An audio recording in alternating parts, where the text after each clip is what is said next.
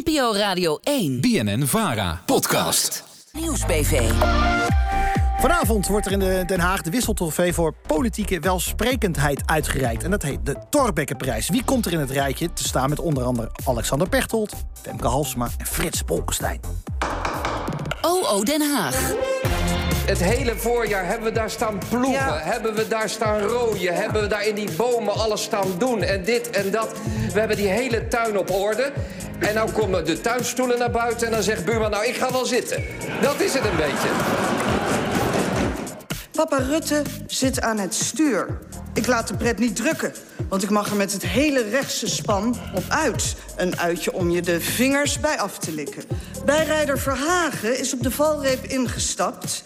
en houdt de routekaart richting het rechtse pretpark krampachtig tussen de vingers. Mevrouw de voorzitter, wat dus helemaal niet kan, is dit debat. Er is immers nog geen regeerakkoord en er is nog geen kabinet. En ik hoop dan ook dat hier geen nieuw staatsrechtelijk gewoonterecht wordt geschapen dat met de informatie interfereert. Ik kan me indenken dat u ongeduldig bent. Dat ben ik ook. Maar men onderhandelt niet op straat.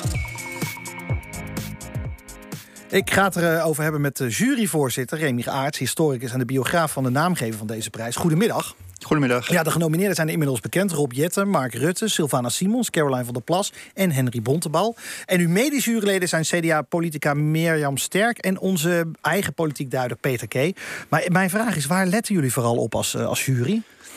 Nou, we letten in ieder geval op uh, mensen die de traditionele waarden van de democratische parlementaire discussie um, hoog houden. Dat is een heel belangrijk argument. Uh, want, en dat is meer dan alleen debathandigheid. Het is ook meer dan een, een leuke beeldspraak vinden, zoals we in de voorbeelden nu net uh, vonden. het moet wel mensen zijn die wat langer in staat zijn om die democratische parlementaire discussie op een bepaald niveau uh, te voeren. Dat vinden wij belangrijk. En we hebben dit jaar nog even speciaal gekeken naar mensen die misschien um, ja, met wat empathie of wat begrip of wat verstandigheid um, hebben geopereerd in een, een toch heel sterk gepolitiseerd en soms ook wat agressief politiek veld. En wat, wat bedoelt u dan met agressief politiek veld? Nou, de, de, we gisteren allemaal hebben meegemaakt aan het einde. Ja, bijvoorbeeld spanningen lopen soms hoog op. Er vallen vaak tegenwoordig in het parlement harde en lompe woorden. En niet alles is wat je vroeger noemde parlementair taalgebruik. Dus uh, mensen die een beetje tegenwicht daartegen hebben willen bieden... of die andere kwaliteiten uh, voorop stellen, die, uh, dat vinden wij wel, wel belangrijk. Ja, want, want, want, want, Nederlandse politici staan toch bekend als saai. Is dat altijd zo geweest? Um, nou, Nederlandse politici hebben niet een verschrikkelijk grote reputatie als het gaat om politieke welsprekendheid. Om mooi, belangrijk uh, uh, spreken, om, om, om, grote retorische vaardigheden. Ik bedoel, er zit veel handigheid en er zit veel leukigheid uh, bij. Maar over het algemeen is het Nederlands parlement een werkparlement, een vrij sober parlement waarin zaken gedaan worden. Het is eigenlijk meer een soort wetgevingskantoor dan dat het daar nou uh, heel uh, briljant uh, toegaat, zoals wel in, in het buitenland. zoals Engeland. Nou ja, Engeland en Frankrijk zijn ja. voorbeelden van landen waar die hebben een hele grote traditie van politieke welsprekendheid. En dat heeft ook te maken met het feit dat in die landen uh, vroeger zeker uh, een hofcultuur bestond. En de hoofdsteden, waar ook het parlement zat, tegelijkertijd een soort ja, theaters vormden. En uh, mensen gingen ook echt zoals je naar het theater gaat, dus zoals je ook theater voorstelling kunt recenseren. Zo gingen ze ook naar de politiek. Zo, daar, daar werden politici, zeker ook het Engelse parlement, op beoordeeld. Hè. Er is heel mooi een boek over geschreven door uh, mijn collega Henk de Velde, hoogleraar in, uh, in Leiden. Ja, u heeft nou, ook een mooi boek geschreven natuurlijk hè, over de naamgever uh, van deze prijs. Maar laten we eens even gaan naar de twee van de genomineerden. Bijvoorbeeld Sylvana Simons en Caroline van der Plas.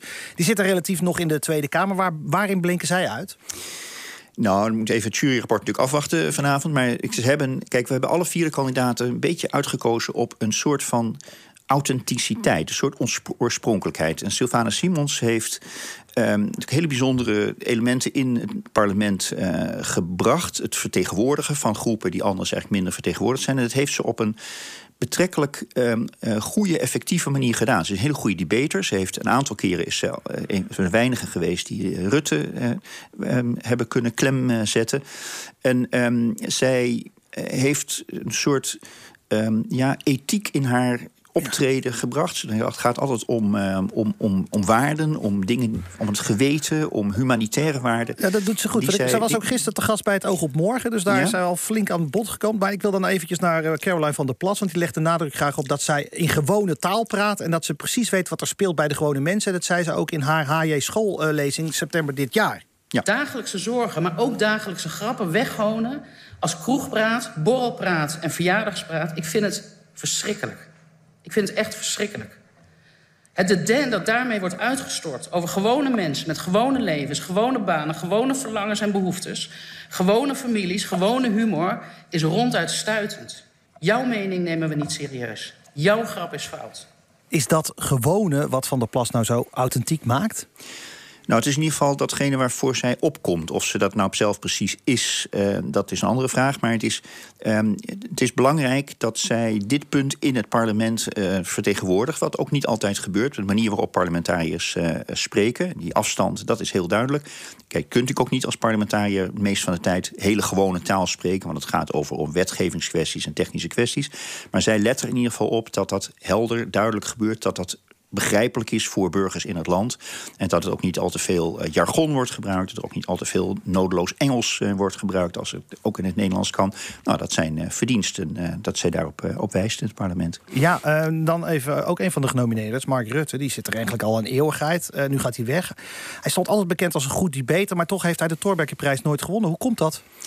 Nou, dat zou je vorige juries uh, moeten vragen waarom hij niet genomineerd is. Maar uh, een van de eigenaardigheden van zijn optreden is dat hij een soort onnadrukkelijke stijl van spreken heeft.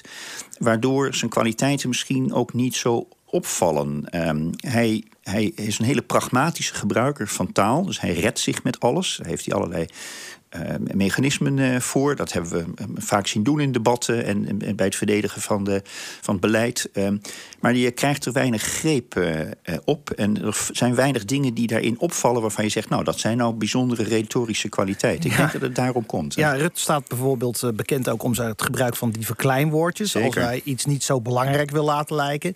Denk maar bijvoorbeeld aan zijn Nokiaatje. En die verkleinwoorden gebruikte hij ook ooit in een debat over institutioneel racisme drie jaar geleden. Maar ik heb zelf verteld dat ik in de afgelopen jaren anders ben gaan denken over uh, dat symbooltje van Zwarte Piet. Ik vind zelf uh, dat als dat zoveel pijn doet bij zoveel mensen, dat het goed is dat dat uh, figuurtje aan het veranderen is. Maar als je daarmee zegt tegen mensen die dit, dit, dit, symbooltje uit de volkscultuur... en meer is het ook niet, hè, het is natuurlijk heel groot voor de laatste jaren... maar het was natuurlijk gewoon een symbooltje uit de volkscultuur.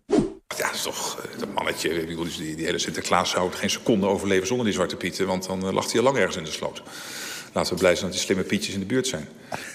Ja, u bent niet in de studio, maar er is wel een camera op u gericht en ik, uh, ik zie u lachen. Ja, ja, nee, dit is natuurlijk heel mooi om te zien hoe die, hoe die dit soort zaken afwikkelt. Hè? Dat, uh, het wordt steeds maar wat kleiner en uh, ook in de manier waarop je erover vertelt, waarop je het afrondt. Nou, dat, dat zelfs Sinterklaas wordt een soort Sinterklaasje. Dat, het rommelt langzamerhand weg. de, de, ook de, de, uh, alle, alles wat er aan spanning in zo'n vraag kan hebben gezeten, dat vloeit geleidelijk aan uh, weg. Dat verdampt ergens.